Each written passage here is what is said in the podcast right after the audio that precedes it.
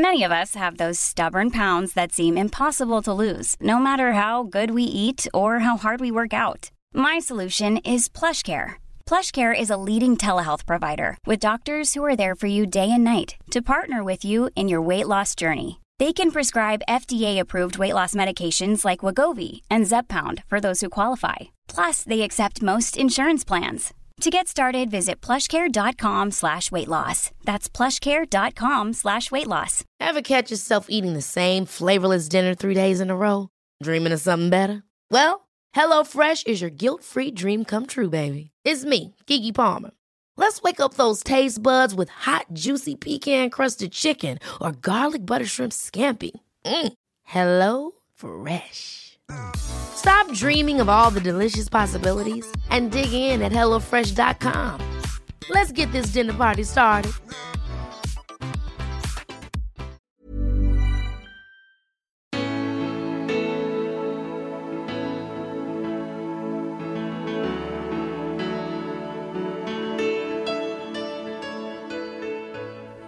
Skattepengarna kommer inte räcka att ta hand om alla med kroniska sjukdomar.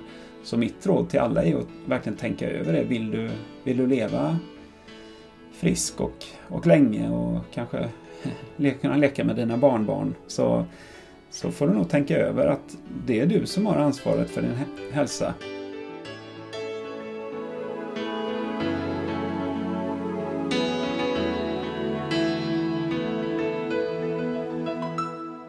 Du kanske tänker lite socker i form av godis och kola någon gång då och då. Det är väl inte så jättefarligt.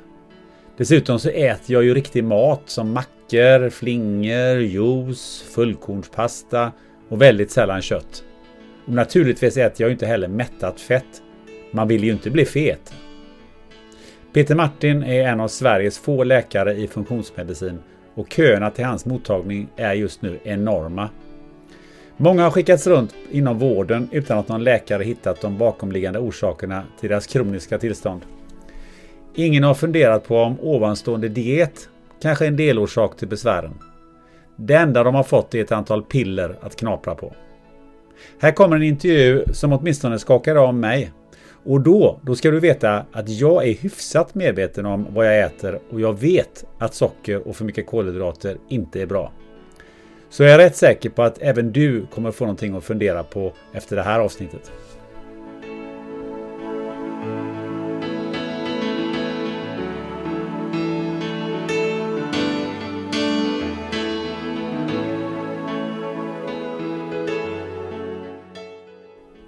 Eh, bara kort innan vi börjar. Jag vill be om ursäkt för ljudkvaliteten på de två första tredjedelarna av intervjun. Jag gjorde det klassiska misstaget som alla poddare gör någon gång. Jag tror det i alla fall. Nämligen att glömma trycka på inspelningsknappen. Som tur var så gjorde jag en backup-inspelning på datorn. Så hoppas att du står ut. Innehållet är desto bättre. Peter Martin, legitimerad läkare och medicine doktor eh, i farmakologi och en av få i Sverige som jobbar med något som kallas för Functional Medicine. Välkommen till podden Spännande möten. Tack så mycket Johan. Eh, du, var det där en adekvat titulering av dig? Ja, det var det. Eh, det enda kanske är Functional Medicine är ju ett engelskt uttryck. Och nu börjar man mer och mer använda ett svenskt uttryck då, funktionsmedicin. Okej. Okay, um ehm, men då till att börja med så att vi lägger någon sorts uh, liten bottenplatta här. Kan du bara förklara lite på vad är functional medicine i förhållande till om man ska säga traditionell medicin? Mm. Eh, nej men den, den traditionella medicinen liksom bottnar ju mycket i akut eh, sjukvård och där, där excellerar man ju verkligen. Man är jätteduktiga på, på att ta hand om folk som har blivit skadade på olika sätt eller har infektioner och så. Eh, och det bottnar ju liksom från att man upptäckte eh, antibiotika under 1900-talet och så här och började kunna bota, eller inte bota, men liksom lindra sjukdomar. Medan eh, i funktionsmedicin, där skiljer det sig på så sätt, så sätt att vi alltid försöker eh, identifiera och åtgärda de underliggande orsakerna till sjukdomar. Så jag, jag brukar ta exemplet migrän om du Gunnar hade, hade migrän då så går du till vårdcentralen Ja, då kommer doktorn fråga dig lite frågor. Jaha, det sitter på ena sidan, det blir ljuskänslig, du måste ligga i ett rum och det, det tar liksom ett halvt dygn innan du står på benen igen. Okej, det verkar vara migrän. Så får du migränläkemedel utskrivet på recept och du går till apoteket, och hämtar det. Så tar du migränläkemedlet. Och så nästa gång du får, känner att du börjar få migrän tar du migränläkemedlet. Du får inte migrän, du blir nöjd. För att alla är nöjda liksom. Du har fått diagnos migrän och läkemedel mot migrän. Men i funktionsmedicin så är vi inte nöjda med det utan vi ställer oss frågan varför. Man kallar det till och med på engelska för the medicine of why. Alltså varför, varför, varför. Varför fick Gunnar migrän? Och så om du skulle komma till min mottagning då försöker vi istället ta reda på varför fick du migrän? Och det kanske är för att du äter något du inte tål eller du kanske har magnesiumbrist eller någon annan vitaminbrist eller ja, så. Så, så man kan säga så här att um, ni inom funktionell medicin eller functional medicine, ni botar egentligen allting förutom det som är rena akuta tillstånd. Kan man, kan man generalisera på det sättet? Vi jobbar ju inte med akut sjukvård liksom. Om jag blir påkörd av en buss så vill jag inte bli körd till min mottagning. utan hellre till Sahlgrenskas akutintag liksom. Men annars så kan vi ju...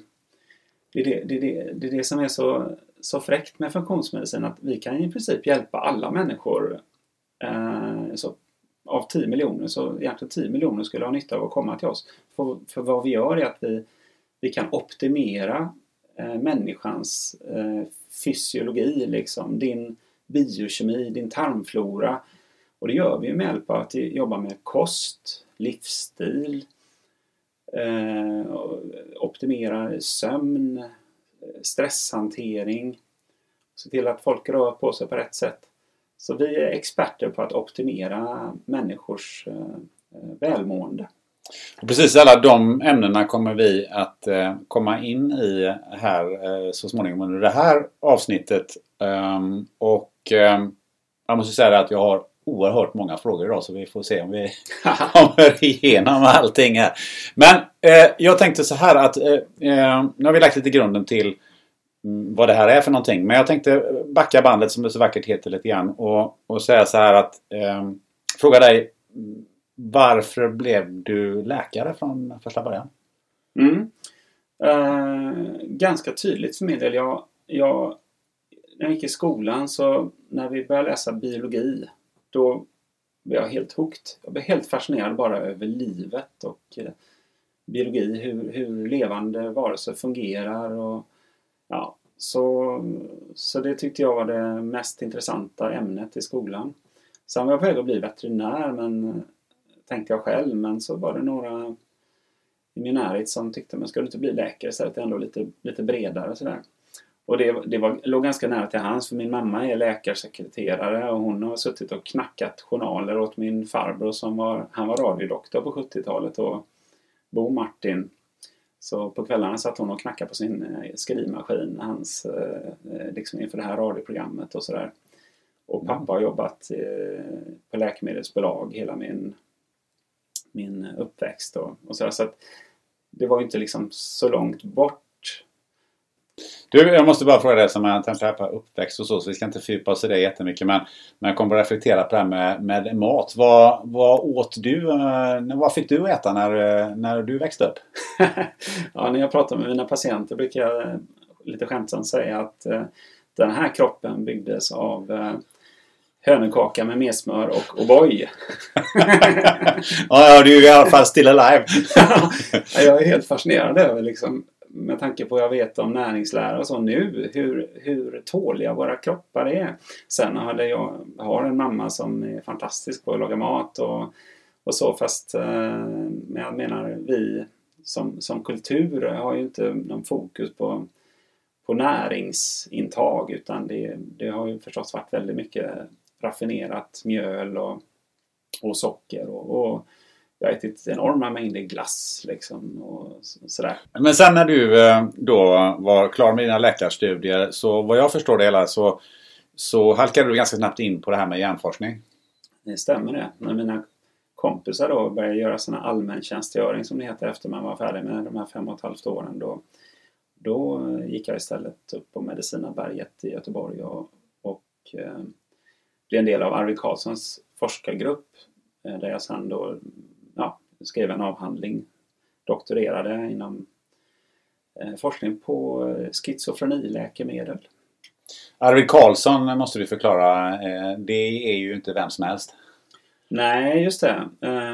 Jag började forska där i början på 90-talet men sen Sen år 2000 så startade vi ett forskningsföretag. Det var Arvid Carlsson och ett antal av hans forskarkompisar då, där jag var en av dem.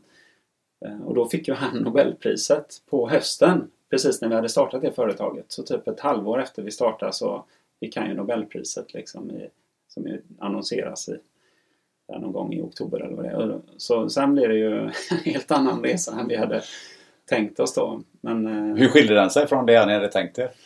Ja, en sak var väl att Arvid eh, försvann rätt mycket. Han, eh, han fick ju en, blev uppbokad i två år framöver och åkte runt i världen och blev hyllad i princip då. Så, eh, och Arvid, Arvid eh, dog ju tyvärr eh, nyligen 95 år gammal. Så vila i frid Arvid. Mm. Fick du gå med på Nobelfesten? Nej, det fick jag inte men jag, jag minns ju mycket. Jag tror till, fortfarande jag har kvar champagnekorkarna hemma från när vi firade hans pris då, när vi fick reda på det på, på i forskargruppen. Då. det var, var det en stor överraskning? Uh, nej, det, det, var det inte så. Han hade ju fått flera stora priser in, innan då. Men jag vill säga också att det var ju fantastiskt att få jobba med Arvid. Han, han var en väldigt speciell person men han var ju liksom mentalt helt briljant. Det funkar ju så att man, man gjorde lite experiment, fick lite nya data och sen bokade man tid med honom. Så fick man gå upp till hans murriga rum där, det farmakologiska institutionen som jag var på då. Det var ju liksom ingen som hade gjort något där sedan 60-talet. Men det såg ju för, för risigt ut helt enkelt. Man fick sitta i hans gamla soffa där. Och så visade man hans, honom resultaten och så. Ja du Peter. Det hörs ju spännande ut. Och sen gick han igång liksom och bara följa med i hans tankegångar här. Det var otroligt lärorikt. Och det var liksom hög nivå. Och när, man, jag lärde mig oerhört mycket när det gäller att liksom, hantera texter. Och för, för det, när man skriver vetenskapliga texter då, då är det liksom allt som inte behövs ska ju bort. Men sen, du jobbade väl även som kvalitetsansvarig med dokumentation eh, till Läkemedelsverket och samarbetspartners i USA och så vidare. Var det inom det bolaget där eh, tillsammans med Arvid som du gjorde detta? Ja, ja det var det. På ett, ett sånt litet företag. Och jag, jag satt ju med i ledningsgruppen där i åtta år. Vi var ett jättegott gäng som, som drev detta då. Av i princip doktorander liksom, eh, kan man säga. Men vi... Eh, då får man göra ganska mycket olika saker liksom. Så jag var ansvarig för olika delar i, eh, i företaget. Men, men på slutet så...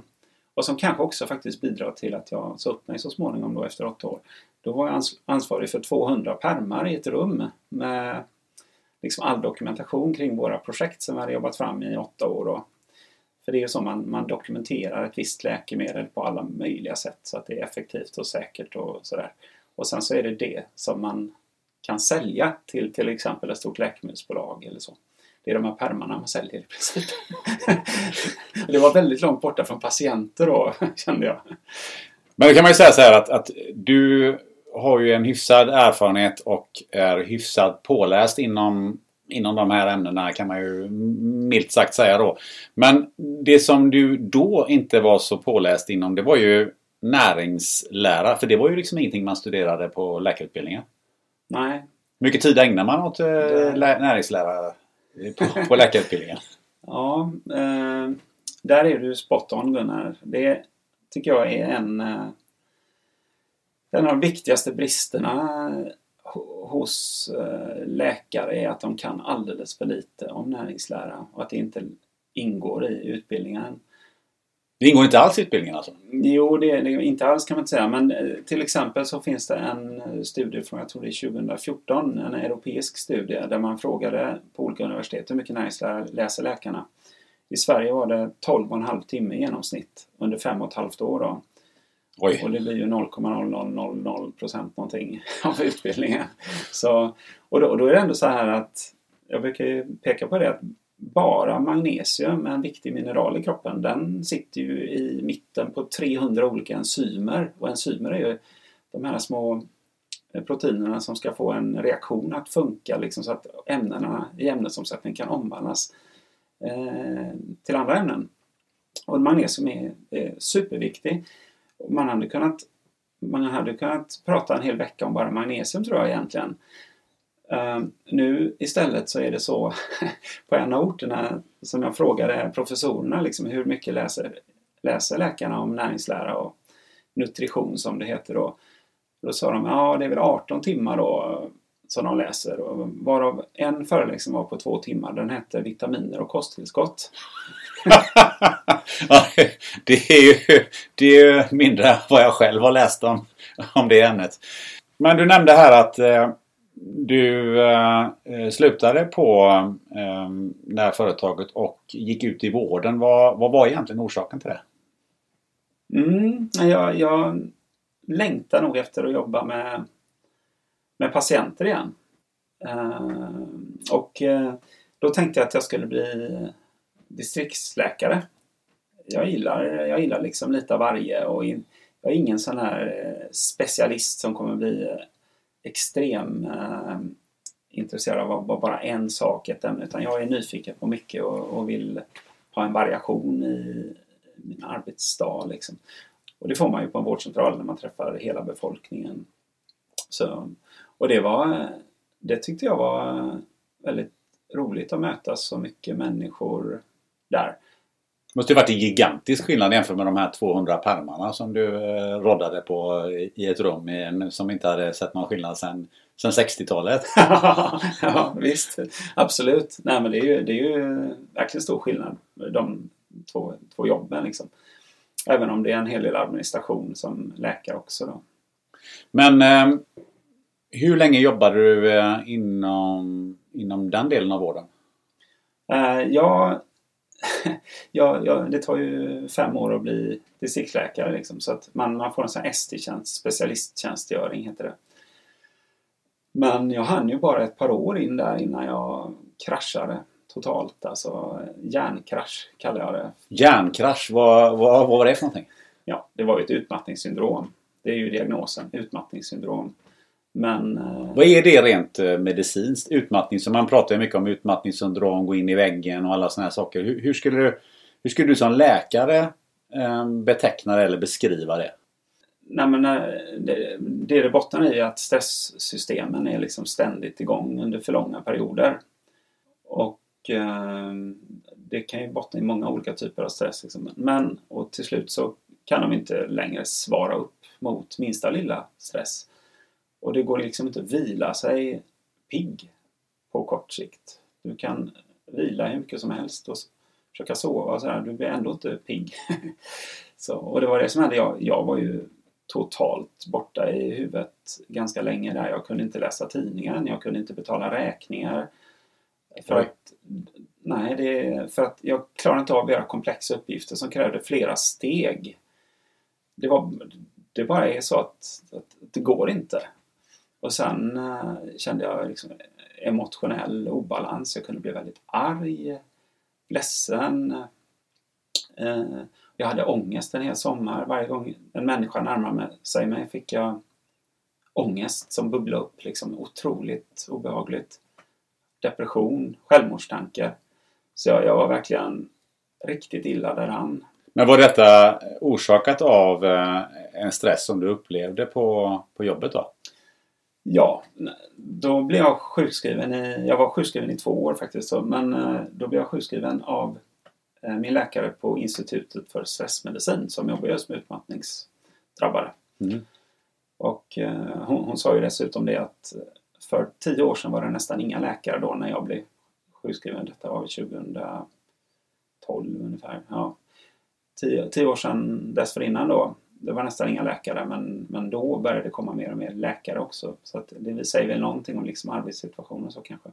Men det de säger också, forskningen säger är att de flesta tycker att när de blir sjukskrivna för någonting så tänker de åh det var mitt jobb var så stressigt. Men ju längre man kommer in i sjukskrivningen och börjar inse liksom att det här är ju inte, har inte bara med jobbet att göra. Det här är ju en personlighet som jag har och hur jag lägger upp hela mitt liv och hur jag ser på prestation och hur mycket man ska klämma in i livet. Så jag har ju liksom i, i tio års tid innan jag blev sjukskriven säkert varit nära utmattning i perioder, inser jag. På, på grund av en så att totalbilden, inte bara på grund av just jobbet? Nej, nej. Sen, sen var det ju så att eh, på jobbet så drogs tempot upp och, och, så, så att det var väl det som fick det att tippa kanske. Men, men jag skyller inte bara på jobbet. Liksom. Men under den här eh, sjukskrivningstiden, det var då kom du på någonting som ju är grunden till det som du faktiskt jobbar med idag? Ja, ja faktiskt. Och jag, så, så som vanligt då, kris och utveckling. Eh, jag är väldigt tacksam för att jag, jag gick igenom den hemska utmattningsperioden. Annars hade jag inte liksom fötts fram till den jag är idag som jag tror är någon som jag hellre vill vara, vara än den jag var innan. Men eh, det som hände det var att eh, faktiskt så är det så att jag var sjukskriven samtidigt som Sabine Söndergaard var sjukskriven. Mm, en eh, annan gäst som vi har haft i podden här. Just det. Um, nej, så, så vi eh, träffades en del och, och promenerade och sådär. Och, och det var hon som fick mig att läsa en bok som heter Matrevolutionen av Andreas Enfeldt. Som kallas för Kostdoktorn också. Som fortfarande är en av Sveriges största hälsosajter då, som heter kostdoktorn.se. Och det, det går ut på lågkolhydratkost, eller så LCHF, Low Carb High Fat. Kan du bara förklara vad, för det är ju många som eh, pratar just om eh, LCHF och, och det här. Men kan du bara liksom förklara vad innebär det och vad är det? Så att vi har mm. Eh, en liksom, terminologin klar för oss. För det finns rätt många, tror jag, definitioner på den eh, ute i debatten. Ja, ja. Nej visst. Ja, det, det jag gillar med LCHF är egentligen att det är ganska enkelt. Så att nu när jag jobbar med patienter i, med funktionsmedicin och vi ska få dem att, att må bättre.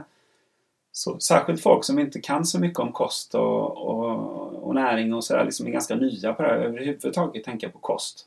Så kan LCHF ofta vara en bra startpunkt.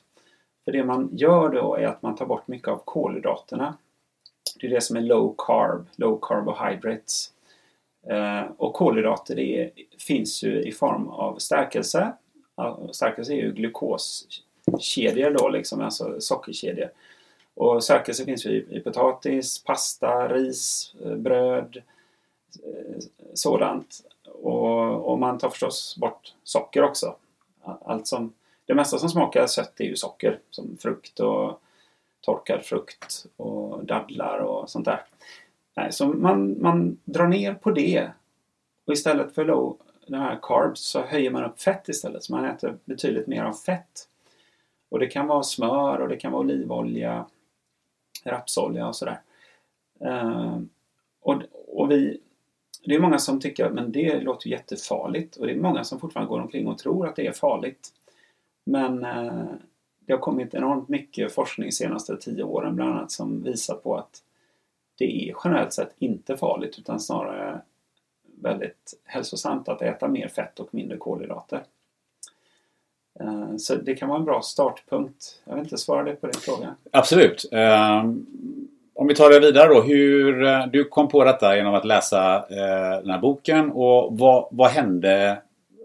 Vilken skillnad märkte du och hur märkte du skillnaden? Ja, det, var, eh, det är därför jag sitter här idag. För, för det är ju alltid så vi människor, vi är skeptiska när någon annan berättar någonting, eller hur? Mm. Jaha, du sa att du ändrade kosten och så försvann din migrän. Nej, det tror jag inte på. Liksom. uh, och speciellt läkare är väldigt skeptiska. Jag, jag, brukar säga det också att det är mycket svårare att förstå funktionsmedicin och det här med kost och sånt för en läkare än vad det är. För att de är, de är, är så hjärntvättade, som jag själv har hållit på i 25 år i det vanliga liksom, sjukvårdssystemet. Så för mig tog det flera månader att fatta funktionsmedicin. Men det som hände när jag, när jag la om eh, kosten till LCHF. För när jag gör något brukar jag göra det ganska ordentligt då, så att jag, jag tog bort alla kolhydrater och käkade mycket mer fett. Jag minns de här två veckorna. För vad som hände var att jag tappade för det första 5 kilo fett runt midjan. Så du åt fett och tappade fett? Ja. Man blir inte fet av fett precis som man blir inte grön av grönsaker. det var faktiskt en rolig jämförelse. Ja, så är det. Ja. Nej, det är, det, är en, det är en vanlig missuppfattning. Man blir fet av det. Du blir fet framförallt av att du äter mycket kolhydrater. För, för när det finns mycket socker runt om och du äter, stoppar i dig det. Ja, då känner ju kroppen, här kommer det in socker i blodet. Det är bäst vi lagrar upp det. Och hur lagrar man saker i kroppen? Man lagrar det framförallt som fett. Men jag blev istället av med 5 kilo fett runt magen. Jag, det jag kallar för gubbfett. Liksom. Jag var ju typ 45 år då. Jag tänkte det, så här är det väl liksom. Men det hade inte alls med åldern att göra. Nu har jag, är jag liksom smal runt magen fortfarande. För nu vet jag ju att jag blir tjock runt magen om jag äter mer kolhydrater. Så funkar min kropp. Och eh, många andras också. Nej, så det hände. Och sen hade jag haft ospecifik ledvärk i åtminstone i fem år. Så jag minns liksom när vi var i Portugal och, och surfade och sådär. Gick omkring på stranden i, i, i kängor med hårda sulor för att jag hade så ont under fötterna. Och jag gick till naprapater och kiropraktorer och sjukgymnaster och sådär, men jag fick aldrig ordning på den här ledvärken. All den värken försvann ju på två veckor när jag la om kosten. Sen blev min mage alldeles lugn också. IBS-mage som bubblar och sådär när man käkar när man inte äter kolhydrater. Eh, vilket kan vara logiskt för bakterierna i magen som de, de käkar framförallt kolhydrater och de gör gas när de gör det. Så det var det tredje som hände. Eh, jag tappade 5 kilo i fett, ledvärken försvann, magen blev lugn. Men det, det, viktigaste av allt var att hjärnan klarnade upp. Så, så då när jag hade... Jag var på arbetsträning då. På faktiskt eh, lite i en bransch som du har varit i. Medicinsk reklambyrå var jag på och mm liksom gjorde hjälpte till med det, annonstexter och sånt där. Ja. Bara för att träna liksom, ja. för att komma in i arbetslivet när man var sjukskriven. Då. Eh, men då kunde jag plötsligt börja jobba hela dagar istället för halva dagar. För hjärnan bara var, funkade liksom. Det var helt magiskt. Så jag, sen den veckan, de två veckorna, så bara jag har varit maniskt intresserad varenda dag. Jag har ägnat mig åt att lära mig mer åt, åt kost, näring, och sen ledde det då in till att jag träffade på folk som jobbar med funktionsmedicin. Och det fanns ju knappt i Sverige alls då. Det fanns bara en läkare som höll på med det liksom. Och sen åkte jag, 2014 åkte jag till USA ett antal gånger och liksom ut, ja, utbildade mig. Gick ett antal kurser och sen startade jag min mottagning som jag driver nu då. Det var en väldigt intressant eh, resa måste jag säga. Eh, om vi kommer in på det här med din mottagning. För nu, nu tar ju du emot eh, många människor som, som kanske har liknande problem som du själv eh, hade och, och, andra typer av problem. Kan du eh, dels ta en sån här, eh, sån här typpatient som kommer till dig och, och ta oss igenom den här resan som den här eh, personen gör från att hon eller han kommer till dig tills att, eh, att eh, man faktiskt kan se skillnaden och, och, man tar sig vidare i livet. Ja, visst. De flesta som kommer till oss tror jag blir ganska förvånade över hur mycket det skiljer sig från till exempel om man går till en vårdcentral eller så. Och det processen, för det första kan jag säga att det är, det är ju liksom många hundra som vill komma till oss. Eh, och det finns alldeles för få läkare som jobbar med detta i Sverige än. Så att eh, vi håller nu på att utbilda fler läkare inom funktionsmedicin och det känns som det viktigaste vi gör för att det här är en långsam process. Jag kanske bara kan träffa typ fem nya patienter på en vecka. Det är alldeles för få för att liksom få någon snurr, snurr på antalet. Då. Eh, så att fler läkare behövs. Så är det någon läkare som lyssnar på detta så utbilda er gärna inom funktionsmedicin. Det kommer att finnas arbetsplatser i framtiden för efterfrågan hos patienterna är helt monumental. Okej, okay, nu ska jag försöka svara på din fråga också Gunnar. Nej men det är jättebra att du, att du gör de utvikningarna för att eh, jag tror att eh, det är nog väldigt många olika människor som lyssnar på det här och jag tycker att eh, eh den typen av uppmaningar är ju eh, jätteviktiga. Mm, mm. Just det. Och, och, du som inte är läkare, du kan ju kanske nämna det för en läkare att funktionsmedicinen finns. Kan Absolut. läsa på lite själv också. Mm. Ja. Nej, men om vi säger då typpatienten är en kvinna. Kanske mellan 35 och 50 år. Det är alltså fler kvinnor än män som söker? Det är fler kvinnor än män. Så är det ju allmänt i sjukvården. Kvinnor eh, söker ju en vårdcentral mer också än vad män gör. män eh, är ju mer benägna att bara gå och dras med saker utan att riktigt ta det på allvar. Ofta är det ju kvinnor som, tar, liksom, som får sina män att söka också. Det märker jag även män som kommer till min mottagning. att Varför kommer du hit? Nej, a, nag, a nagging wife var det som en, en kille skrev faktiskt för ett par veckor sedan. Nej, men eh, det är mest kvinnor och de är oftast eh, medelålders. Men, men vet jag, jag har haft patienter som är två år och jag har patienter, jag ska ha någon som är 82 år nu. Liksom, så att det, och det spelar ingen roll vilken diagnos folk har när de kommer till oss. För att det, jag är inte så intresserad av diagnosen. Till skillnad från i den vanliga vården är det mycket baserat på diagnos, till exempel migrän då, och läkemedel, migränläkemedel. Här är diagnosen är underordnad, för det viktiga är vad är, vad är det underliggande problemet? Biokemiskt eller tarmflora eller är det livsstil eller vad det är? Det, det, bara redan där har vi vänt upp och ner på hela vårdsteken. Liksom. Men kan du ta några sådana här, om är så att det kommer en, en, en kvinna till dig inom den åldersspannet som du säger. Vad är så att säga, de vanligaste problemen som, som är orsaken till att de kommer till dig? Ja, bra fråga. Eh, jättemånga kommer ju med någon form av utmattning. Väldigt många autoimmuna sjukdomar. Autoimmuna, vad är det? Autoimmun sjukdom är att kroppens immunförsvar attackerar dina egna vävnader. Kan du ha några exempel på någon sjukdom som är vanlig som vi kan relatera till? Den allra vanligaste är Hashimotos eh, sköldkörtelsjukdom. Och det låter ju konstigt, ett japanskt namn sådär, Hashimoto. Men det är alltså underfunktion i sköldkörteln som beror av att eh, ditt eget immunförsvar har attackerat sköldkörteln som sitter på, fram till på halsen och som styr hela ämnesomsättningen i kroppen. Och hur märker jag det? Ja, då, då går ämnesomsättningen ner och du får eh, underproduktion av energi i kroppen. Alla system går långsammare. så du, du känner dig trött. Du kan bli hård i magen för det systemet går ner i varv. Du får torr hud etc. etc.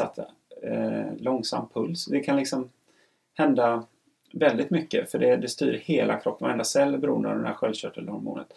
Och då kan jag säga att det är säkert 440 000 människor i Sverige som äter sköldkörtelhormon som tillskott. Oj! Och 90% är kvinnor. Det är alltså en folksjukdom och för mig är det ofattbart att man inte forskar mer på varför får man det? Men den som kommer till dig då eh, som, som har den, eh, den typen av, av sjukdomstillstånd kommer ju inte säga att jag har problem med sköldkörteln utan hon eller han kommer ju och säger att jag är extremt trött eller vad är, mm. vad är så att säga hur uttrycker man sig som patient när man kommer? Ja, då ska du veta att de flesta som, som kommer till oss Eftersom det kostar rätt mycket pengar att, att komma till oss. Mm. Och dessutom det, så får de betala min tid och en, en doktor på vårdcentralen kostar ju 3000 kronor i timmen. Mm. Som du inte märker för det betalas via mm. skattsedeln. Mm. Men hos mig får ju folk betala det ur egen ficka. Mm. Eftersom funktionsmedicin inte är något som är liksom accepterat i den vanliga vården. Plus att många tar prover för 15-20 000 kronor som vi skickar med mm. kurirpost till USA. Sådär. Eh, men då är det så här att många har ju varit är så kallade vårdvandrare de har ju liksom haft massor med olika symptom och diagnoser och gått runt till hjärtläkare, psykiater, gynekologer, psykiatriker och varit liksom överallt och inte till slut känt att de nästan ger upp. De blir inte riktigt hjälpta.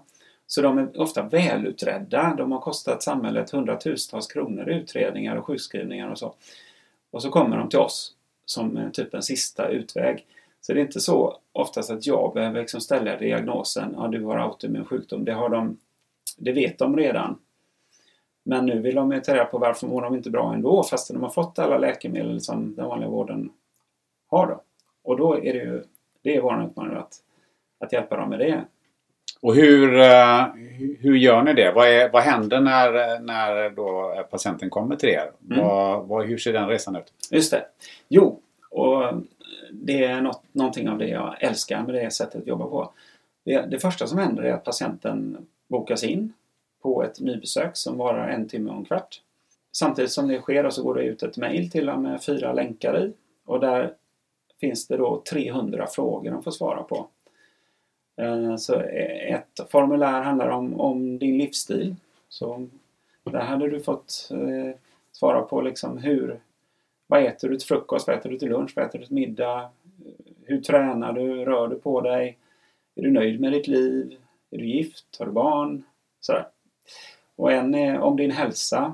Vad har du för tidigare sjukdomar? Vad, har du, vad hade dina föräldrar för sjukdomar? Vad har du för symptom nu? får du svara på väldigt uttryckligt. Och sen är det en tidslinje över hela ditt liv. Så jag vill veta hur hade du det mellan du var 0 till 10 år? Och mellan 10 till 20 år? Och har du haft ätstörning? Har du varit vegetarian? Vad, hur har du levt ditt liv? Och sen är det förstås också att du får ange varför du vill komma och vad är dina största hälsoproblem och så. Så att när du kommer in i rummet på måndag morgon och ska komma till ditt nybesök, då har jag läst igenom svaren på de här 300 frågorna och tänkt igenom liksom och noterat vad är det mer jag vill veta av dig. Och så. Sen sitter vi ner och pratar kanske i en halvtimme. Och många börjar ju gråta då, så vi har alltid en Kleenex på, på servetter på bordet. Många börjar gråta, många säger liksom att det här var första gången någon har verkligen lyssnat på mig. Och det är en jätteviktig del i, i själva läkningsprocessen att man möter sin patient. Och jag, jag, jag tycker det är otroligt att få, få ta del av folks liv på djupet och bygga liksom en relation med en människa. Eh, och det, det är ju ganska ofta som folk berättar om eh, incest, sexuella övergrepp, eh, jobbig uppväxt och sånt där som också är en jätteviktig del i detta. Det handlar inte bara om biokemi liksom, det handlar om, om det också. Och sen under mötet där då så, visst vi pratar men sen så är det läkarundersökning. Då får de ta av sig i bara underkläderna. Så vi tittar på huden, vi tittar på naglarna, tungan och sen är det vanlig undersökning. Känna på magen och allt det här, lyssna på hjärtat. Eh, och efter det så sätter vi oss ner och, och gör en plan för vilka prover ska vi ta. Och det är några stycken? Ja, det är ju det som kostar mest pengar då, att man just så som vi jobbar vill vi ju vi vill ta mycket prover för att få svart på vitt. Vad är felet? Och då tar vi både urinprover som kan spegla hela ämnesomsättningen till exempel. Och mycket mer. Vi tar eh, 55 blodprover på alla som kommer. Som man kan göra på vårdcentral men det gör man inte för då hade de gått i konkurs. De hade mätt D-vitamin för 200 spänn på alla och sådär. Eh, och så tar vi avföringsprover. Och det är inte bara ett prov utan man tar mäter massa olika saker om hur matsmältningen funkar och tarmfloran. Och, och sen kan vi titta efter födoämnesintoleranser och lite mer. Så att vi, vi lägger liksom ett pussel som är med, där vi får väldigt många pusselbitar. Och då kan vi hjälpa de här personerna som inte har blivit hjälpta under många, många år innan. Så det är, det, är, det är helt otroligt. Det känns som som funktionsmedicinare sitter känns det som man får en gyllene nyckel där man kan liksom låsa upp en persons låsta läge och öppna på lådan liksom och släppa fram läkningsprocesserna. För kroppen vill ju läka. Så, så fort man tar bort allt som hindrar den från att läka och tillför sånt som bidrar till läkning så läker ju kroppen. Det behöver inte vi tänka på. Det vet den hur den ska göra. Men de här ehm, den här läkningen som du pratar om. Eh, det är ju inte i första hand läkemedel som ni tillför om jag har förstått det hela rätt. Utan eh, det är eh, egentligen mer en råd om vad man, vad man ska ta bort och vad man ska äta istället i form av vanlig mat. Eller vad är, vad, hur ser den... När ni har lagt det pusslet, hur ser så att säga resultatet ut och vad är rekommendationerna? Mm. Bra frågor du ställer Gunnar. en del av den här podden. ja, men det är bra. Uh, ja, men då, då är det så här. Det, det, är ju otroligt individualiserat. Och det är inte bara beroende på vilka var provsvaren och, och, och vad heter du och sådär. Nej, det är också vem du är. Var är du i livet? Hur mycket mäktar du med att förändra i ditt liv nu?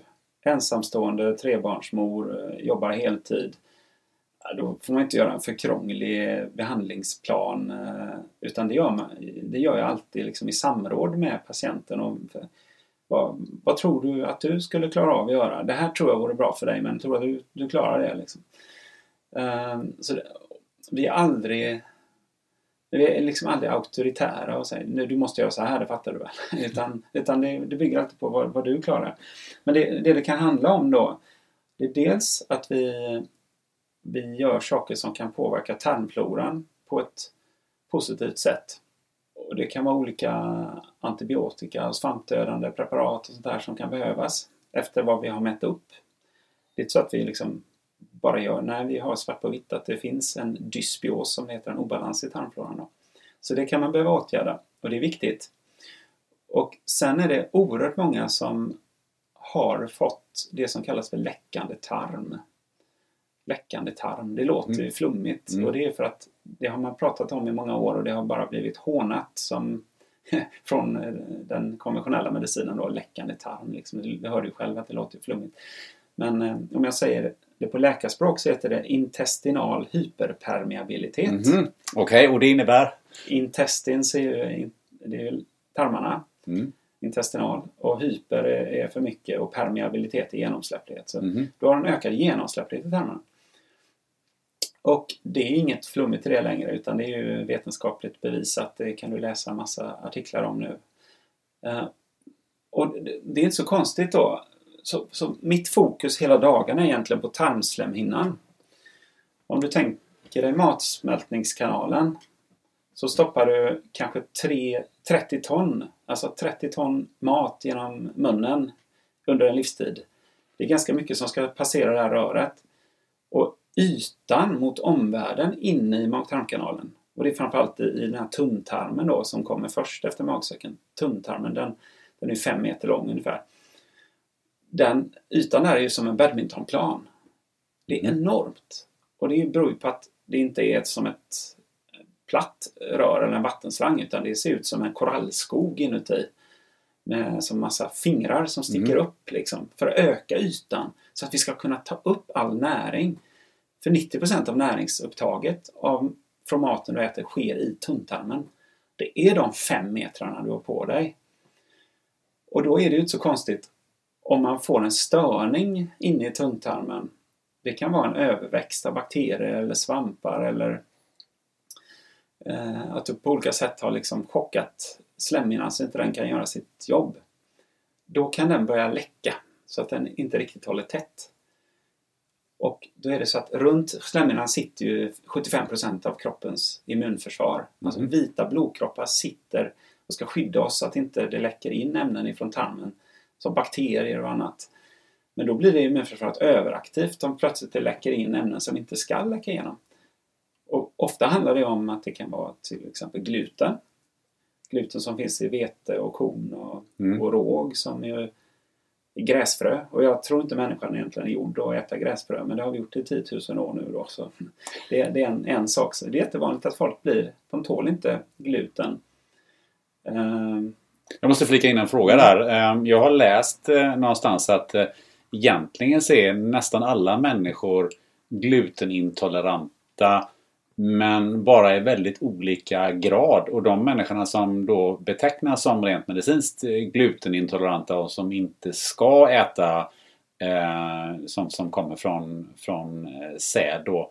Eh, det är bara den här liksom, värsta nivån på glutenintolerans. Finns det någon bäring på det? När vi ändå är Mm. på ämnet. Jo då, ehm, det finns, finns väl en del forskning som visar att gluten ger lite läckande tarm hos alla, liksom att det irriterar tarmarna Eh, på något sätt. Men, men du har ju det du sa, de riktigt glutenintoleranta då som, som alltid har betraktats som glutenintolerant, det är ju celiaki heter det. Celiaki, det är riktig glutenintolerans.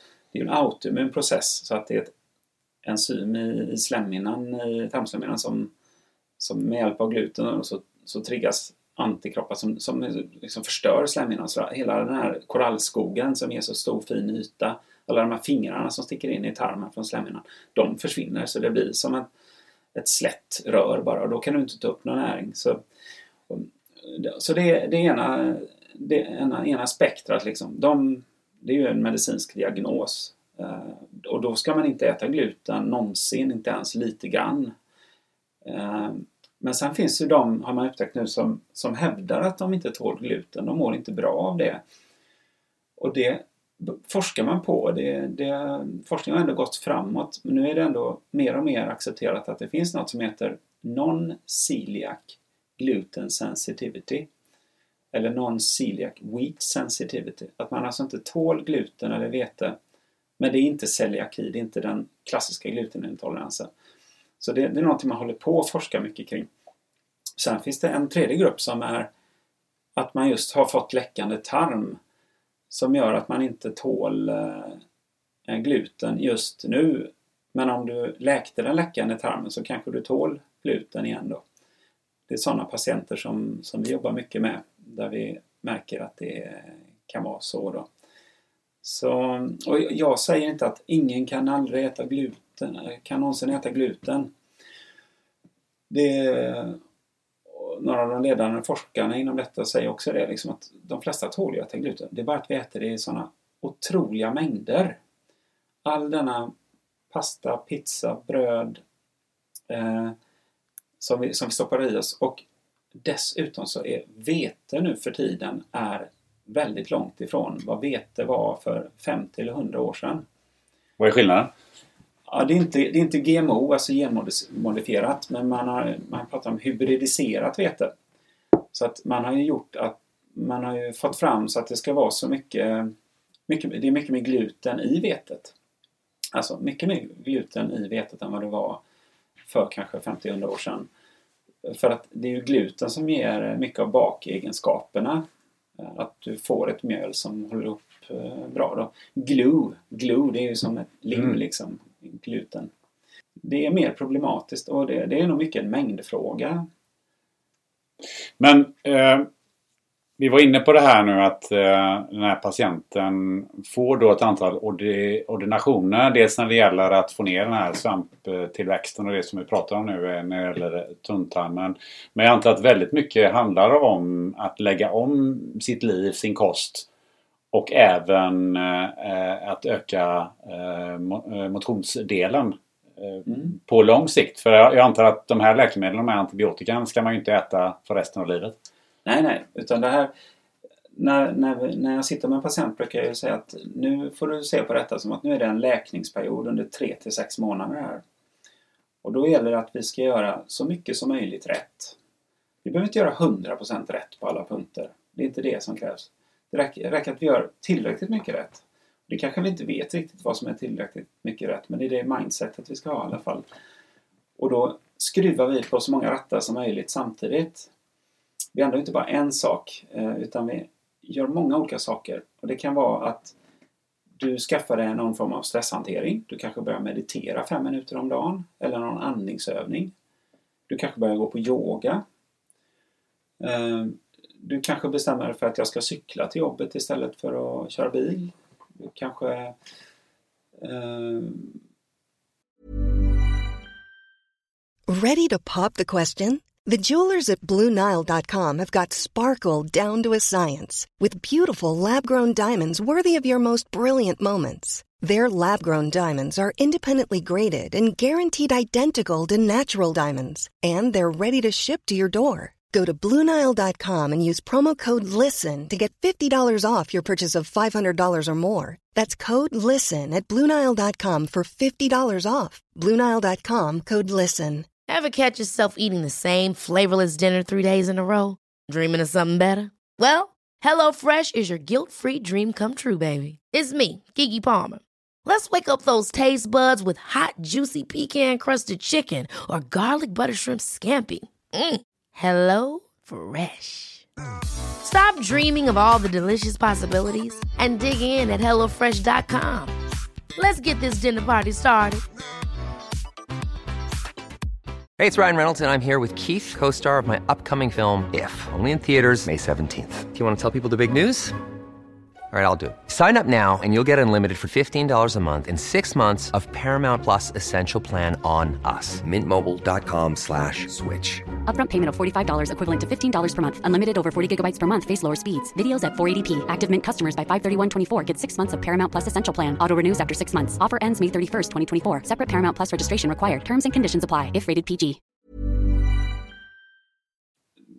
Du kanske ser till att du går och lägger dig i tid och minskar på dina Netflix-timmar. Så. Och sen, det viktigaste av allt brukar ändå vara kosten. Det tror man inte sådär spontant kanske, men de flesta som jobbar med detta, de tycker nog ändå att kosten är för de flesta det, det viktigaste. För det är en enorm stress just denna badmintonplanen av yta vi har. Att vi utsätter den för massa olika saker. Och det handlar ofta om att man ska dra ner på, på socker. Man ska äta mindre processad mat, mindre vitt mjöl. Man ska sluta äta saker man inte tål. Och erfarenhetsmässigt, de vanligaste tre sakerna är gluten, mejeriprodukter och ägg. Och det är Ägg? Ägg också ja.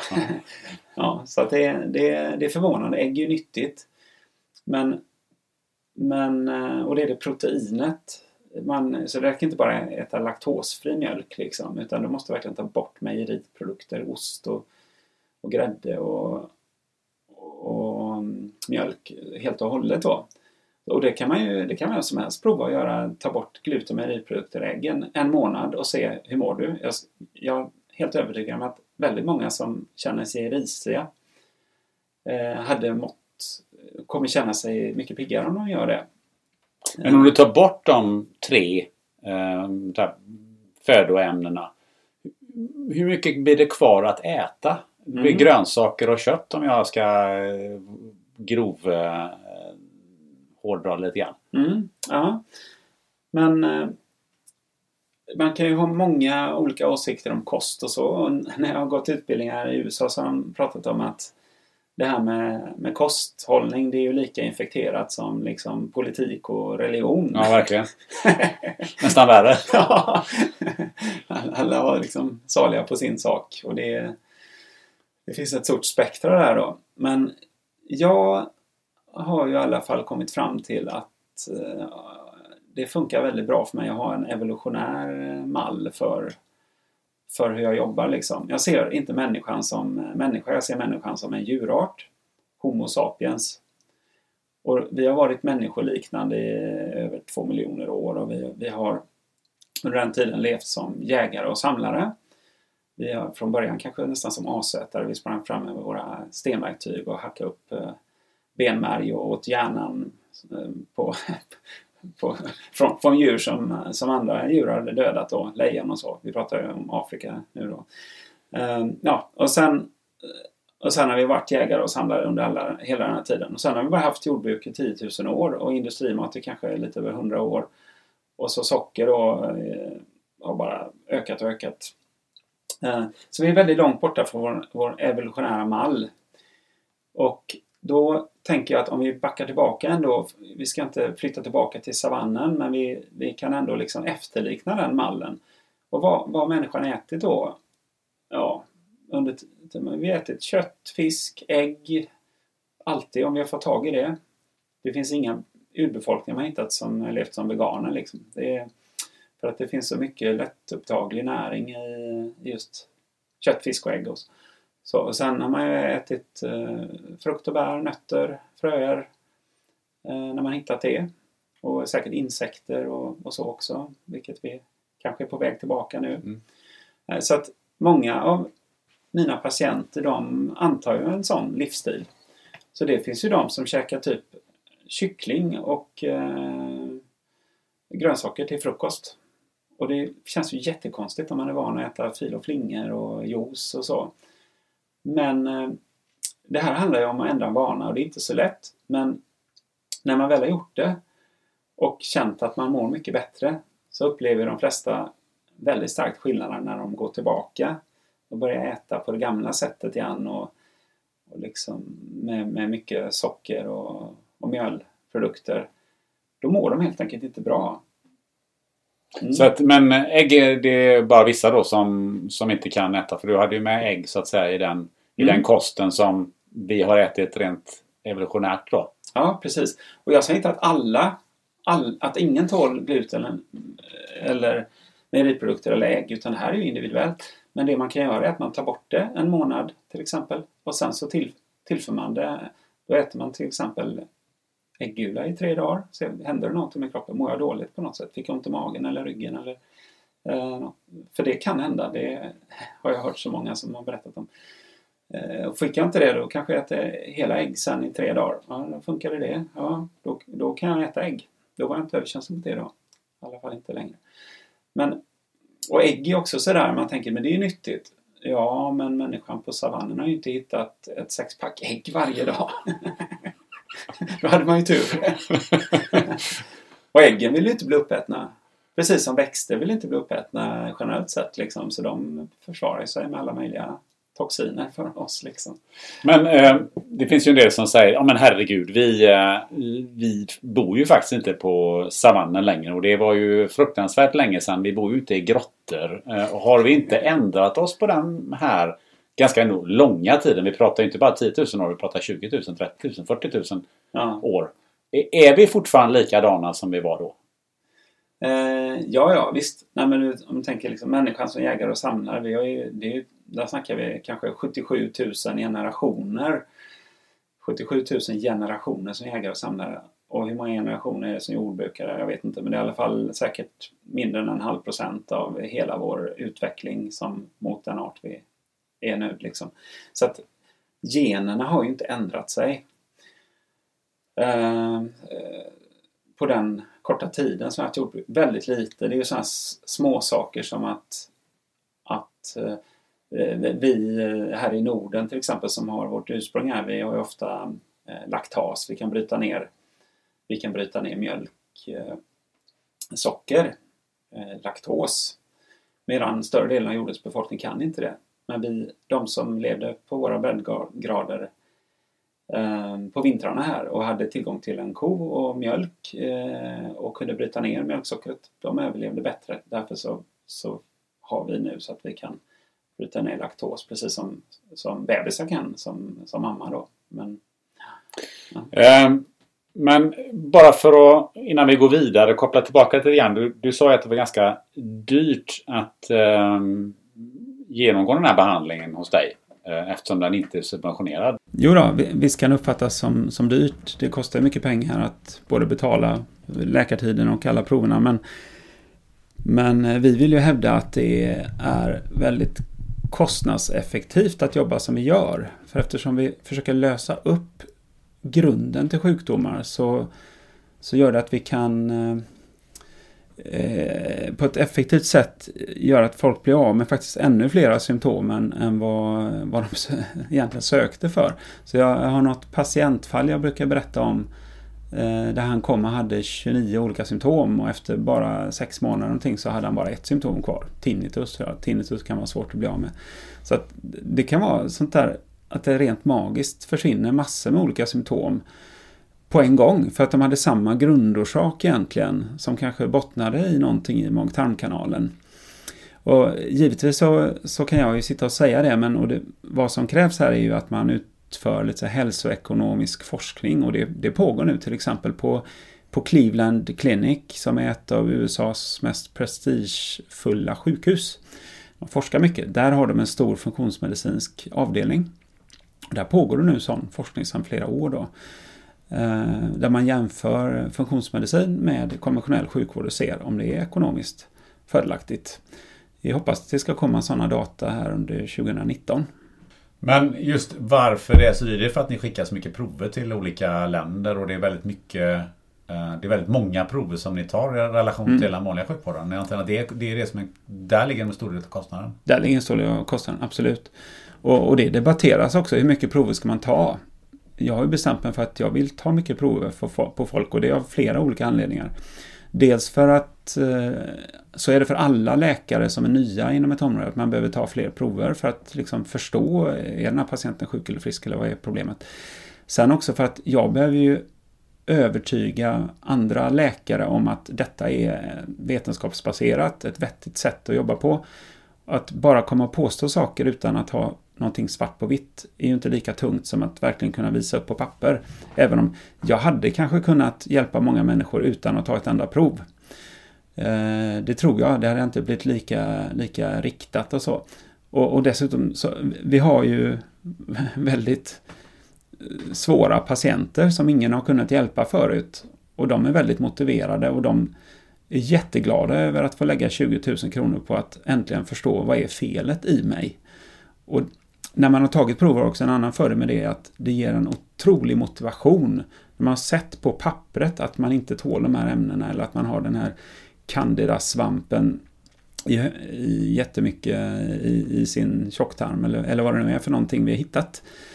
Och då vet man ju liksom vart man ska ställa in kompassnålen och det blir ett väldigt kraftfullt behandlingsprogram man kan, kan få fram. Så visst, mycket pengar i början men på bara ett eller två eller några års sikt så tror jag man har tjänat in det mångdubbelt. Så att jag hoppas ju att Eh, jag hoppas att den konventionella vården kommer ta till sig detta, eller jag är helt övertygad om att den kommer göra det. För att det finns ingen annan väg framåt om vi ska få ihop ekonomin, om vi inte börjar jobba på det här sättet där vi åtgärdar grundorsaken och liksom preventivt ser till att folk inte blir sjuka. Men om vi går tillbaka till eh, eh, det här med sockret, för det har vi varit inne på tidigare, och kolhydraterna och det är ju vi ganska överens om och det tror jag man inte ens bara behöver jobba med, med eh, funktionsmedicin utan det, det är man rätt överens om att det inte är jättenyttigt. Vad jag funderar på är lite grann, vad är det sockret gör i kroppen som gör att det blir så eh, farligt? Ja. Eh, en sak som socker gör är att så fort du äter socker så består det av eh, vanligt vitt socker består av glukos och fruktos. Eh, två socker, enkla sockerringar som sitter ihop då till det som då bildar sackaros som är vanligt vitt socker, det är sackaros. Och när det kommer ner i kroppen så, så bryts det sönder och glukosen kommer då göra att eh, blodsockret höjs och det är alltså eh, blodsocker är ju just glukos. Glukos, den här eh, en, ringen. Och när det höjs, blodsockret, då är det är giftigt att ha högt blodsocker. Så när du sitter där nu Gunnar så har du bara en tesked eh, socker i ditt blod, i dina fem liter blod.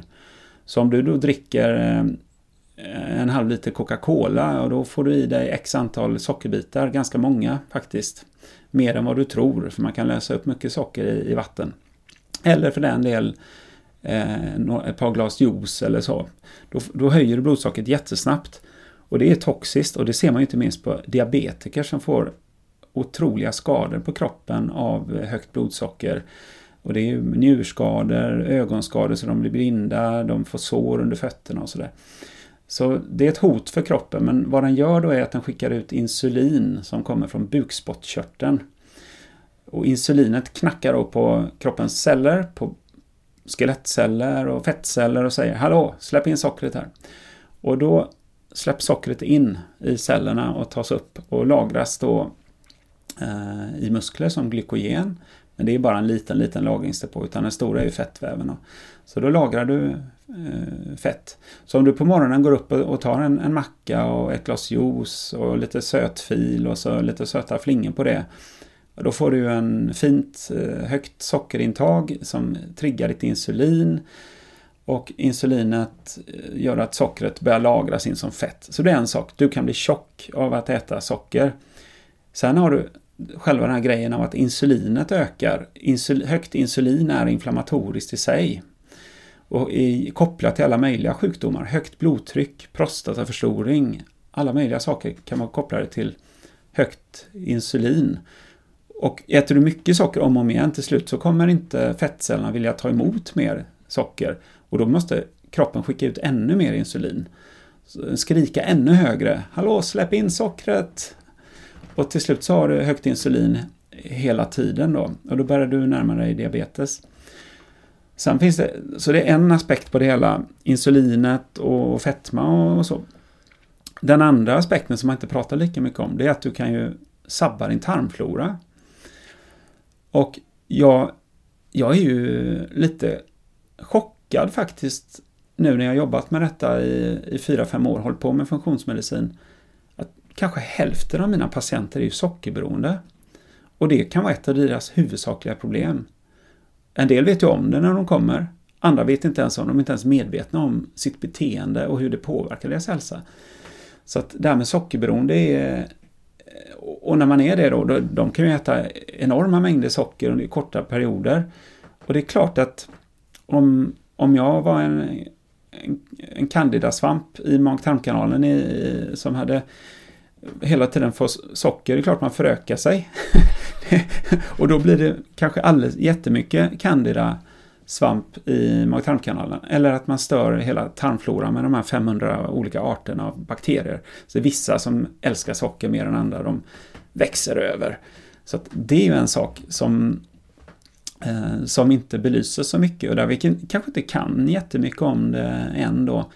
Men när du säger det kommer en patient till dig som, har, som äter enorma mängder socker. Vad, vad är enorma mängder socker i det där sammanhanget? Ja. Kan du, kan du, skulle du kunna definiera det i form av eh, liter Coca-Cola eller antal sockerbitar per dag eller något sånt där? För, mm. för, för det är ju kanske det kanske är många som konsumerar enorma mängder socker fast man inte upplever det som enorma mängder socker idag. Beteendet att äta socker är ju normaliserat i dagens samhälle. Och jag vet när jag går till mitt jobb. Det var en annan läkare som var eh, auskulterare som heter som jobbar med mig eh, en dag. Och han gjorde mig uppmärksam på när vi gick från tågstationen i Göteborg till eh, domkyrkan så gick vi förbi sju stycken Pressbyrån. och eh, i Pressbyrån, går du in och tittar där så är det mycket färgglatt. Det är mycket, mycket socker. Så socker är kanske det i samhället matmässigt som är det som är mest lättillgängligt idag. Och när man tittar, inte minst ungdomar tycker jag, de, de sitter och äter och dricker och det är, det är väldigt lätt att det blir väldigt mycket sötade drycker. Och eh, de äter mackor och mjöl och sånt. Och det ska man veta också, allt det här raffinerade mjölet vitt mjöl, det omvandlas ju till socker jättesnabbt i kroppen. Så det är inte så att det inte det är nästan som att äta vitt socker då. Så det är egentligen totalen av det man skulle räkna som, som kolhydrater. Det blir ju socker i kroppen, allt det. Eh, mängder, ja en sockerbit väger väl sådär mellan 3-4 gram någonting. Ja, jag är lite, lite dålig så här nu på studs och bara dra till mig hur mycket olika saker innehåller. Det kan man, om man är intresserad av detta, vi pratade om LCHF förut då, om jag liksom får, får dra det ett steg vidare, vad man själv kan göra. Om det är någon som vill prova LCHF, alltså lågkolhydratkost, då kan man gå till eh, kostdoktorn.se eller jag tror de heter numera dietdoctor.se. Alltså dietdoctor.se. Det är för att de, har, de är jättestora i USA nu också. Då kan man gå dit och, och se hur man kan börja med att dra ner på kolhydrater och testa att äta mera, mera fett. Och där finns också jättebra guider hur mycket olika sorters drycker innehåller vad gäller socker och kolhydrater. Ehm, även hur mycket olika frukter och bär och sånt innehåller. Så att det kan vara en jättebra sätt att, att få upp ögonen för detta. Men om man säger så här att man ska inte äta socker men egentligen ska man inte äta kolhydrater heller för alla kolhydrater blir socker i kroppen. Ja. Men, men det vita sockret är farligare då än om jag äter en eh, fullkornspasta som ju också är eh, omvandlas till socker. Vad är skillnaden där? Är det för att det inte kommer ut lika snabbt i blodet som gör att det inte blir lika farligt? Eller är det lika farligt? Ja, nej men fullkornspasta kanske är lite, lite bättre om det långs tas upp lite långsammare då. Men det är fortfarande inte astronomisk skillnad. Det kommer ju ändå omvandlas till socker. Så att, eh, och, och, bara för att få lite perspektiv på det då. När man pratar om hur, vad är mycket kolhydrater och vad är lite kolhydrater i kosten? Ja, om du ska äta lite kolhydrater då ska du äta kanske max om man tänker lågkolhydratkost, då är det kanske max 100-150 gram per dag av kolhydrater. Då får man ju liksom eh, räkna på det. Jag är inte jätteslängd i det. Hur mycket varje sak innehåller nu. Det var länge sedan jag höll på med det själv och räkna på sånt.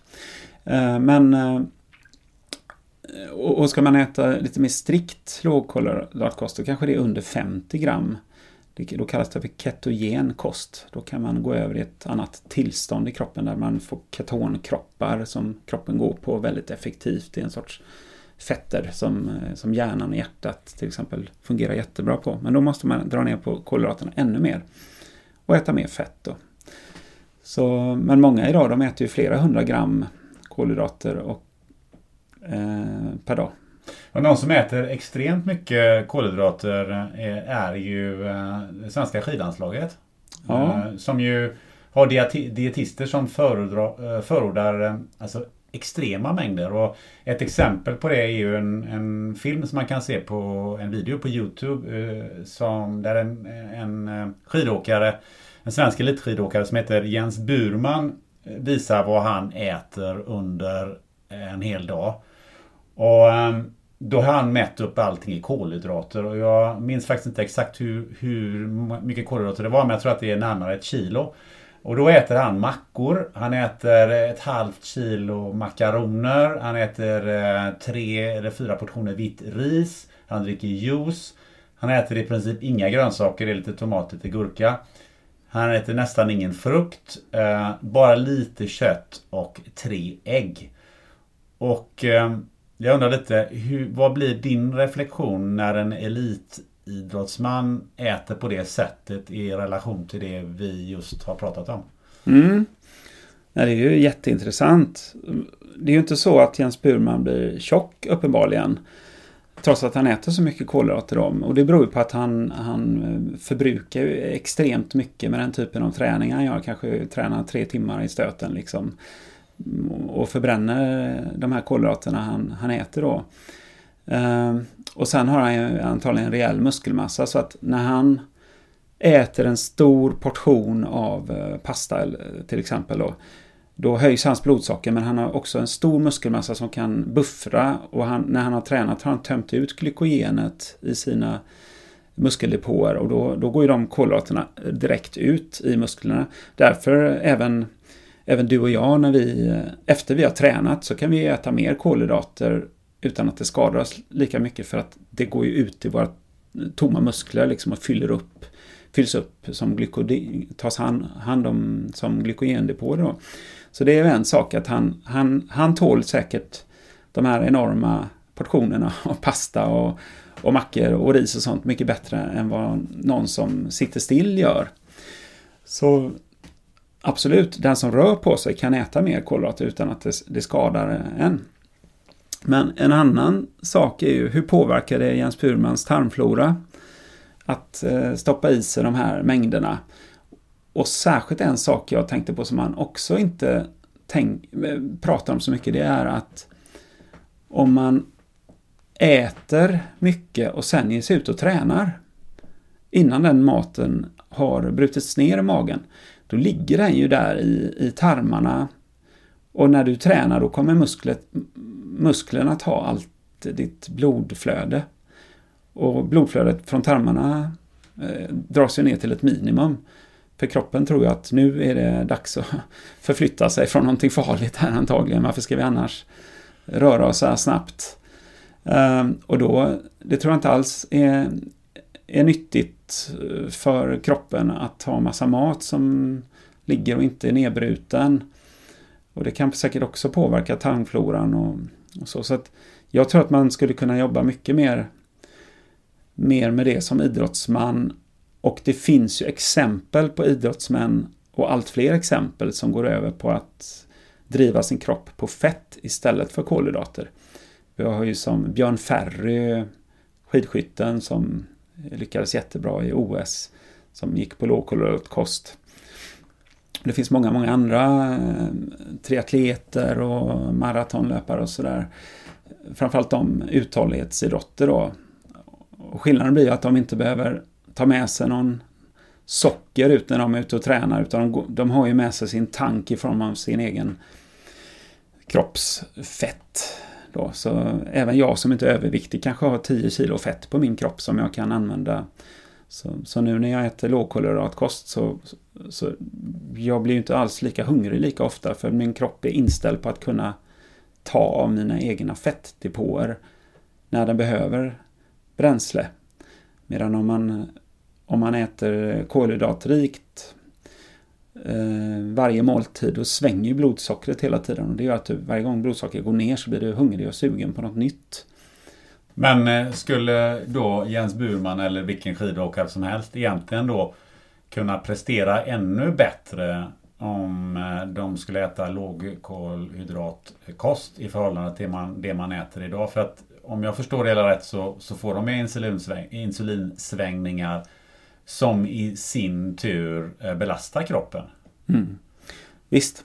Jag, jag tror att, och där pågår det rätt mycket forskning kring detta. Det är jättespännande. En sak är att man kan inte bara prova det en vecka, liksom att ja, nu provar jag att äta mer fett istället. Nej, det, det, tar längre tid än så. Det, det tar ju åtminstone en, en månad att ställa om kroppen hyfsat. Och sen för en elitidrottsman kan det ta liksom ett år eller ett och ett halvt år innan man har gått över från sockerdrift till fettdrift om man börjar äta mer fett och mindre kolhydrater. Då. Eh, men det finns ju och det, och det är inte säkert att alla kommer att prestera bättre på fettdrift, för vi är alla olika. Eh, men eh, stora fördelar skulle vara att, det, och det man ser är att kroppen återhämtar sig bättre om man inte har de här stora eh, kolhydratintagen. För det är som du säger, insulinet är stress för kroppen och är inflammatoriskt. Eh, Jens Burman är bara typ 25 år tror jag, så han kanske klarar av det. Men i längden är det ju en stress för hans kropp. Så vill han hålla på med detta länge så tycker jag att han kanske skulle ta ett år och ställa om sig till fettdrift och se om han, han fick en mer hållbar och en mer uthållig kropp då. Förutom det här så pratade vi ju en hel del om kosttillskott och bara utav kosttillskottet magnesium finns det massa olika varianter och en del utav det säljs eh, på apoteket och har en viss verkningsgrad och eh, en viss kostnad. Och annat magnesium säljs eh, på andra ställen och är en annan typ av magnesium. Hur kan du bara ta oss lite igenom vad är, vad är skillnaden bara på en sån sak som magnesium beroende på var jag köper någonstans och vad är det för typ av, av mm. kosttillskott? Mm. Ja visst. Nej, det, det stämmer helt som du säger. Ofta så är det sämre varianter av magnesium på olika apotek och så än vad det är i, i, på, på hälsokostbutiker. Och hälsokostbutikerna kan ofta mer om, om detta. Så rådet är väl att man går in på en hälsokostbutik och säger att jag vill ha ett, en form av magnesium som är lättupptaglig ur tarmen. Och det innebär att man ska inte köpa magnesiumoxid eller magnesiumhydroxid till exempel. För de är de billigaste formerna som, som säljs till de som inte vet bättre än att köpa dem. och dessutom är det faktiskt lite ironiskt så att om läkare ska skriva ut magnesium till dig så skriver de ut eh, på recept då ett preparat som heter MGSAN. Och MGSAN är just en av de här dåliga sorterna, magnesium och hydroxid eller magnesiumoxid, jag kommer inte ihåg vilken nu, som, som inte tas upp lika bra, har inte lika bra effekt, men, men däremot ger mer av eh, den biverkan som alla får när man tar magnesium, det vill säga att man blir lös i magen. Eh, och den biverkan kan man också använda när man doserar magnesium. Eh, så att man kan, man kan alltså ta en dos av magnesium som är så hög så att man nästa dag blir lite lös i magen. Och då sänker man dosen lite. Så man ska ju inte bli lös i magen. Men, eh, det enda jag vill varna för är om man har nedsatt njurfunktion. Då ska man vara försiktig med magnesium. Eh, för då, om man har normal njurfunktion så kissar man ut överskottet som man tar upp. Då. Och anledningen till att vi behöver mer magnesium är dels att det finns mycket mindre mineraler i många av de matvaror vi äter. Jordarna är urlakade, vi tillför inte mineraler till jordarna, vi bara tillför kväve, fosfor, kaliumgödsel men inte något annat. Eh, och sen så stressar vi mer och när vi dricker kaffe och alkohol så kissar vi ut mer magnesium. Eh, och stressen gör också att vi kissar ut mer magnesium. Så att det finns flera anledningar till att vi, vi får lågt magnesium. Och magnesium, att du tar upp just det är ju intressant för det är ju en av de vanligaste bristerna som vi, vi hittar då. Um, dock kan det vara svårt att liksom bara ta ett blodprov och se om du har brist på magnesium. Um, så att det inte är så lätt på en vårdcentral liksom att du går dit och säger att kan du kolla om jag har tillräckligt med magnesium. Uh, de kan ta ett prov för det men det är, även om det visar normalt så behöver det inte betyda att du, att du har normalt magnesium. Så det är lite lurigt. Så det är nästan, nästan bäst att pröva sig fram tycker jag. Och det kan handla om att man tar, när, när det gäller magnesium, de flesta tar ju det på kvällen. För att det är lugnande. Det är, många upplever att man sover bättre och Eh, och det är också det är lugnande både för nervsystemet och gör att musklerna slappnar av bättre. Så har du kramper, kramptendens och så, så, så hjälper magnesium mot det. Har du oregelbunden eh, hjärtrytm så kan det också eh, dämpa den tendensen. Men det måste ju vara oerhört svårt för en eh, vanlig lekman att förstå vad det är för typ av magnesium jag ska äta. Ja, och, jo det kan ju vara då, men de som jobbar i hälsokostbutiker ska ju kunna sånt då. Men ofta så ska det sluta på at. Så det kan vara magnesium glycinat. Man har kopplat det till aminosyran glycin då, glycinat. Det kan vara eh, magnesiumcitrat eller mallat. Eh, det är olika syror som man kopplar ihop det till då. Och då blir det mer lättupptagligt från mag-tarmkanalen. Jag tänker på det här är ju, är ju en komplex värld och det är en komplex diskussion kring, eh, kring mat överhuvudtaget. Och om jag förstår det rätt så är det ju också så att du som, som läkare blir ju mer av en coach och mindre av, en, av den här traditionella läkaren som man träffar på vårdcentralen där man får någonting utskrivet och, och, så, och så blir man då bra, i alla fall för tillfället. Då.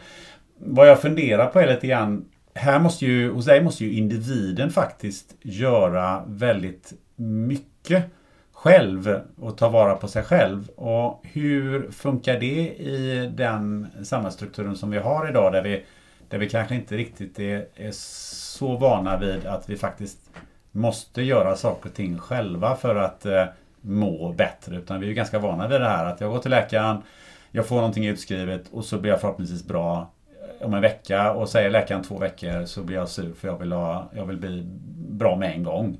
Hur tycker du att det här funkar? För här måste man ju, känner jag, kanske ställa om lite på tankesättet hos, eh, hos eh, människor i allmänhet. Jajamän, jag håller med dig. Eh, det där är ju en utmaning för eh, vi har ett visst mindset och det, det kommer lite grann från förr i tiden. Man gick till eh, doktorn med mössan i hand och så skulle doktorn ge dig läkemedlet som gjorde dig frisk. Och så skulle du vara tacksam för det. Uh, och, och det där, många har ju fortfarande det sättet att tänka att doktorn fixar mig. Sjukvården fixar mig. Oberoende av hur jag lever liksom. Det, så, så funkar det inte och så kommer det inte funka i framtiden. För eh, skattepengarna kommer inte räcka att ta hand om alla med kroniska sjukdomar. Så mitt råd till alla är att verkligen tänka över det. Vill du, vill du leva frisk och, och länge och kanske kunna leka med dina barnbarn så, så får du nog tänka över att det är du som har ansvaret för din hälsa. Och där kan vi, vi pratade ju om innan vi startade inspelningen här också om det här med att det är faktiskt så att 85 procent av kostnaderna i sjukvården är för kroniska sjukdomar. 85 procent. Där akut vård och så, det är dyrt men nej, det är de kroniska sjukdomarna som gör att vår skatte, eh, skattkista eh, med skattepengar håller på att ta slut. Dessutom så visar ju forskningen att förutom att 85 procent av kostnaderna är kroniska sjukdomar så är det så att 85 av de kroniska sjukdomarna eh, är saker och ting som vi kan åtgärda med vår livsstil. Det, helt, det låter ju helt otroligt. Ja. Så 85% av 85 det blir 72% 72% är alltså saker som vi skulle kunna påverka. 72% av kostnaderna för sjukvården hade vi kunnat påverka bara genom att ändra livsstil. Och denna livsstil är alltså mat och eh, motion egentligen? Det är de två huvud, ja, mat, mat och motion. Sen i och för sig kommer ju miljöfaktorer in och sånt också som toxiner och sånt. Det kan vara lite svårare att påverka. Men eh, visst, det, det här handlar om att individen måste ta ansvar. Så att när någon frågar är det, är det mitt fel att jag blev sjuk då? Ja, det är det ju på ett sätt då, men, men vi skuldbelägger aldrig någon för det, för vi ser det bara som att du, du är homos, en ho, människa, homo sapiens, och du har hamnat i en felaktig miljö och då blir vi sjuka och nästan alla blir sjuka i vårt samhälle. Medan tittar man på ursprungsbefolkningar och så, visst, de levde inte lika länge i genomsnitt, men det berodde på att de fick infektioner och Eh, trauma och skada sig och, och dog på det sättet. Men de får ju inte våra kroniska sjukdomar med cancer och hjärt-kärlsjukdomar. Det finns ju knappt hos dem. Så att absolut att vi kan påverka det själva. Men då kan man ju säga så här att vem är det som har ansvar för eh, att eh, vi förändrar det här? För att är det individen själv eller är det att vi måste ta politiska beslut för att eh, förändra det här? Eller, eh, för det här kommer ju leda till en, en katastrof inom sjukvården inom ganska kort eh, tid. Alltså att vi vi har ju redan idag köer till sjukvården och, och, vi har människor som, som är sjuka på, på massa olika sätt. Ehm, vad är det någonstans vi ska börja och vad är det, vad är det viktigaste du tycker du man ska göra inom de närmaste, ja, säg tio åren? Mm. Nej, jag tror att vi måste jobba på flera olika fronter men att politiska beslut kommer bli jätteviktigt. Bara det här att, att socker är så lättillgängligt och det är en drog är ett superstort problem. Och det blir ju ännu mer frustrerande när man inser att vi är också kollektivt beroende av det. Så även beslutsfattarna är ju beroende av socker. Det är ungefär som att man hade Eh, hundra heroinister på en ö och så säger man till dem eh, ni kanske ska sluta och frakta heroin till ön här. Eh, de skulle inte tycka det var någon bra idé liksom. Likadant är det jättesvårt att komma åt det här med sockret och för, för det är ju en del i vår kultur. Om man tänker på mat vi äter så är det väldigt mycket socker bara i maten. Det är en, svenska traditionella födoämnen som inlagd sill är massa socker i, eh, lingonsylt är socker i, ketchup har vi växt upp med. Det är massa socker. Så en uppmaning till dig som lyssnar på podden är Tänk efter närmaste veckan varje gång du äter någonting som du tycker är gott. Varför tycker du att det är gott? Om man tänker på det så kan man ofta identifiera, i alla fall enligt min erfarenhet, att hmm, det är socker i detta. Varför är senap gott? Ja, det är socker i senap. Det är till och med socker i, i köttprodukter och i, i, en del köttbullar och andra typer av färdiglagad mat, har jag förstått. Ja, visst. Nej, det ju, kan till och med vara svårt att hitta charkuterier och sånt utan socker i. Ja. Mm. Um, jag funderar på en sak. När jag var barn uh, så uh, fanns det en reklam uh, för cigaretter och rökning hade man på den tiden. Eh, och då fanns det en reklam som av, eh, för eh, cigarettmärket Kent. Eh, där man hade bussreklam som sa Känt folk röker Kent. Eh, och eh, det var då bland annat eh, förbundskapten Orvar Bergmark som var med och gjorde reklam för det. Alltså fotbollsförbundskaptenen. Idag så sponsras ju fotbollslandslaget utav Coca-Cola och eh, jag tror att eller alpina landslaget till exempel sponsras av Marabou.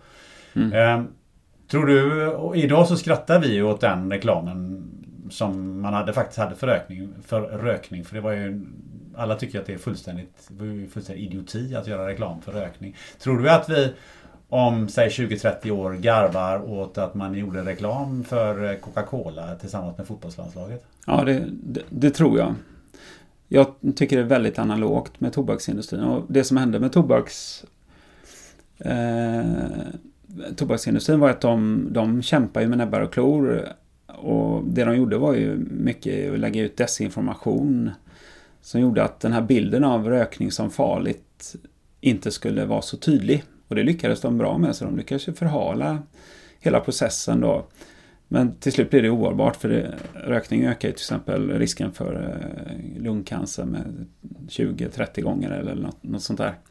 Så att det, det, de, de klarar inte det längre. Och jag tror att sockerindustrin, det finns ganska mycket som visar att de har hållit på med detta länge och, och sprida desinformation, olika dokument som har kommit fram och så för oss som, som följer den, de nyheterna.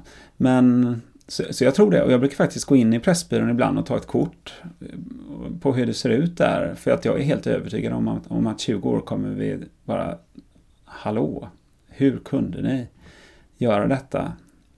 Detta var, får bli slutordet här för jag tycker det var, eh, har varit eh, fantastiskt intressant och det här kommer att bli en otroligt eh, lång podd men jag känner att det har, det har varit otroligt bildande och jag tror att det är väldigt många som kommer tycka det här förhoppningsvis är, är till och med ett, uppvaknande ur vad man faktiskt håller på med idag. Så att, verkligen intressant. Är det någonting som du tycker att vi inte har berört som, som du tycker att vi ska klämma till med så här på slutet?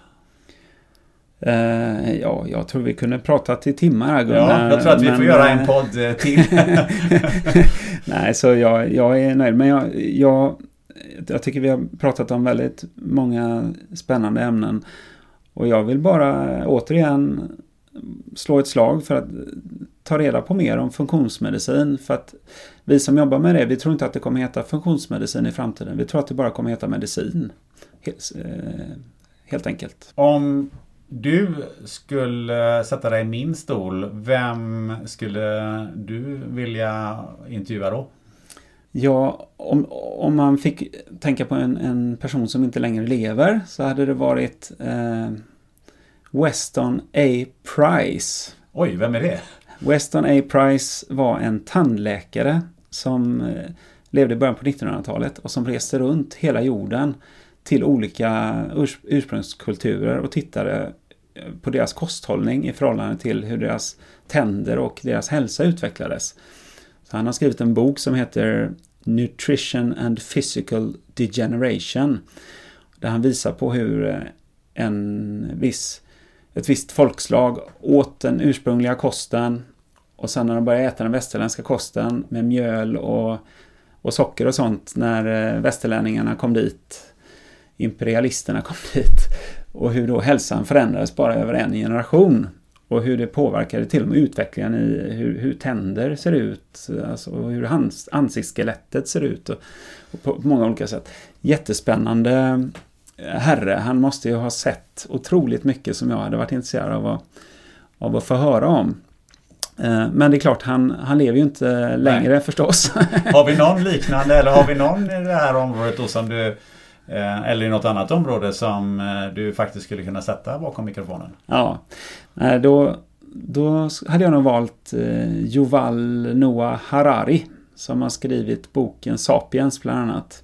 Han är ju en israelisk eh, homosexuell man som mediterar mycket och historieprofessor. Eh, han har ju varit på bästsäljarlistorna så, men han, jag tycker hans bok Sapiens var väldigt intressant och, och tankeväckande där han beskrev hela människans historiska utveckling till vad vi är idag. Sen har han skrivit flera böcker efter det om, om framtiden och, och nuläget eh, också. Men eh, sen kan jag vara lite skrämd av att ställa frågor till honom på en podd för att jag, jag, tror att han är mycket, mycket smartare och mer kunnig än vad jag är. Så att det hade varit en utmaning att ha en sån podd men, men jag tror det hade varit väldigt spännande. Ja, jag måste säga att eh, han eh, tillhör också eh, mina drömgäster. Jag har själv läst både Sapiens och Homo Deus och tycker att det är en oerhört, två oerhört intressanta böcker. Mm. Så att jag kan instämma i det och kan verkligen rekommendera dem. Ja. Underbart Peter! Till slut bara. Ehm, du har en väldigt kö av patienter men ändå tror jag att det finns en del som vill eh, både följa dig och ehm, kanske eh, veta mer om dig och komma i kontakt med dig. Eh, hur bär man sig åt då? Mm, absolut. Nej, men man kan alltid anmäla intresse för att komma till, till vår mottagning och det gör man genom att gå in på funmed.se som är engelska då, rolig medicin. Funmed www.se och där kan man också anmäla sig till vårt nyhetsbrev. Sen är, är man eh, legitimerad vårdpersonal så kan man ju också gå in och titta på våra utbildningar som heter funktionsmedicinska vårdutbildningar eller fmvu.se Felix Martin Viktor Urban.se fmvu.se Där har vi onlineutbildningar som man kan gå om man vill utbilda sig inom funktionsmedicin. Ja, har du, finns du i några sociala medier där eh, du brukar eh, skriva och sådär? Det är lite dåligt med det. Det är mer i slutna grupper där jag eh, just i, i samband med utbildningar och så. Jag känner att jag måste fokusera på det som driver eh, funktionsmedicin framåt i Sverige och just nu så är det inte marknadsföring på det sättet som jag jag ägnar mig åt. ett eh, skäl gott nog. Mm. Tack så hemskt mycket Peter Martin för att du ville gästa podden. Tack Gunnar. Hoppas du gillar det här avsnittet. Har du synpunkter och funderingar? Skriv en rad på poddens sociala medier eller mejla mig på gunnar.österreich.se. Gå också gärna in på iTunes och andra medier och betygsätt podden. Nästa gäst, som kommer torsdagen den 24 januari, ska jag intervjua samma dag som det här avsnittet går live. Och Det kommer bli mycket gött kött om bollar, ledarskap och folkrace med en kille som är Mästarnas Mästare flera gånger om. Klura på vem det kan vara och ha det så gött så länge.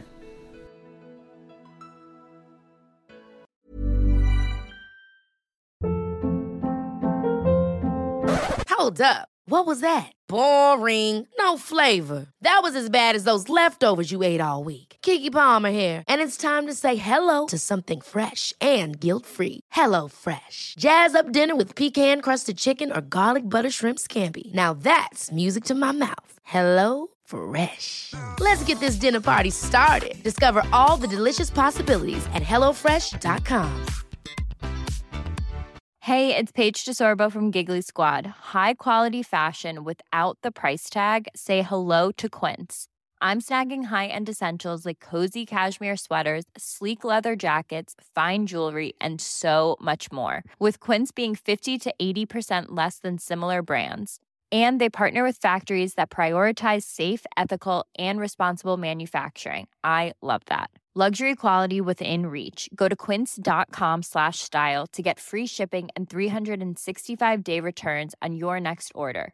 Quince.com slash style.